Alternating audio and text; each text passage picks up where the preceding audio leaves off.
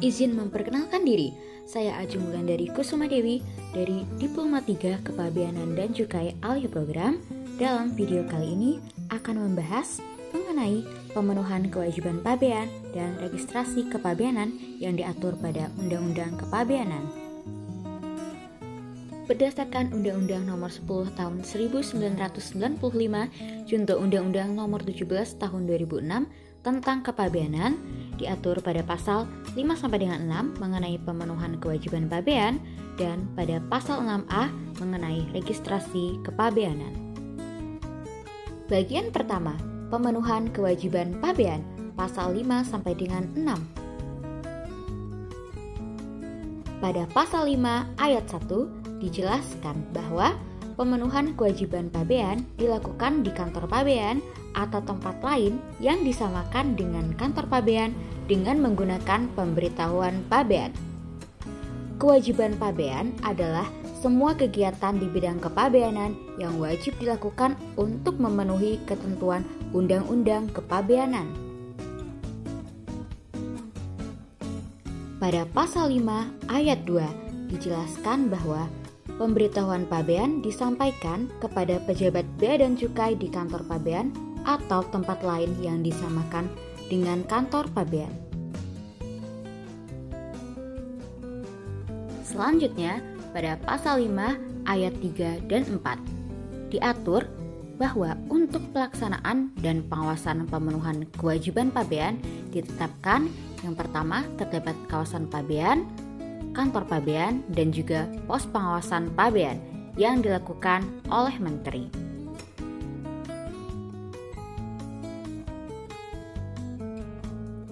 Pos pengawasan pabean dibuat untuk tempat pejabat bea dan cukai melakukan pengawasan sebagai bagian dari kantor pabean dan di tempat tersebut tidak dapat dipenuhi kewajiban pabean.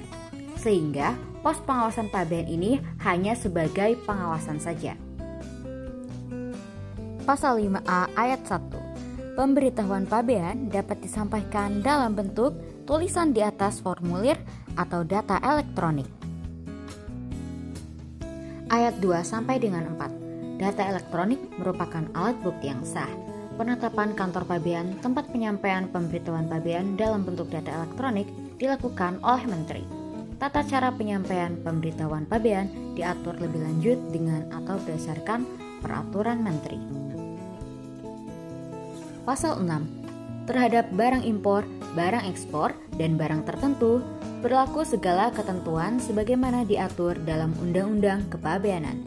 Dengan catatan, terhadap barang tertentu diatur oleh instansi teknis terkait, tetapi dalam hal pengawasan tidak diatur oleh instansi teknis terkait, pengaturannya didasarkan pada ketentuan Undang-Undang Kepabeanan.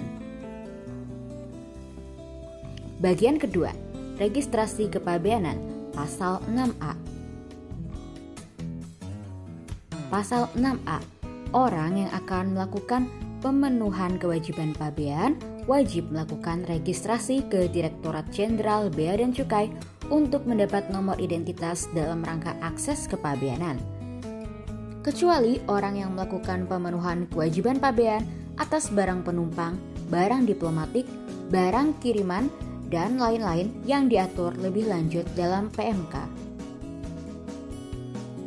Ketentuan lebih lanjut diatur dengan atau berdasarkan peraturan menteri. Dalam hal ini diatur dalam peraturan Menteri Keuangan nomor 219 garis miring PMK.04 garis miring 2019 tentang penyederhanaan registrasi kepabeanan jenis akses kepabeanan. Terdapat 9 jenis yaitu importir, eksportir, PPJK, pengangkut, pengusaha dalam FTZ, perusahaan jasa titipan, pengusaha TPS, penyelenggara atau pengusaha TPB, dan perusahaan penerima fasilitas KITE. Pengguna jasa melakukan registrasi kepabeanan sesuai dengan tujuan penggunaan akses kepabeanan dan dapat mengajukan lebih dari satu jenis akses kepabeanan. Alur registrasi kepabeanan yang pertama, permohonan registrasi kepabeanan disampaikan ke Direktur Jenderal. dengan mengisi data paling sedikit memuat NIB, NPWP, identitas dan alamat badan usaha, identitas dan alamat penanggung jawab, klasifikasi baku lapangan usaha Indonesia atau KBLI, legalitas badan usaha, jumlah modal, dan jumlah tenaga kerja Indonesia atau asing. Pengguna jasa yang telah mengajukan permohonan registrasi kepabeanan harus memenuhi persyaratan sesuai dengan komitmen kepada Direktorat Jenderal Bea dan Cukai. Selanjutnya, Direktur Jenderal memberikan persetujuan atau penolakan terhadap pemenuhan komitmen registrasi kepabeanan paling lama 3 jam kerja terhitung sejak penyampaian pemenuhan komitmen registrasi kepabeanan. Apabila disetujui, notifikasi persetujuan pemenuhan komitmen registrasi kepabeanan ke sistem online single submission atau menerbitkan persetujuan dan jika tidak disetujui, notifikasi penolakan pemenuhan komitmen registrasi kepabeanan ke sistem online single submission atau menerbitkan penolakan. Demikian materi yang dapat saya sampaikan. Terima kasih dan sampai jumpa di kesempatan berikutnya.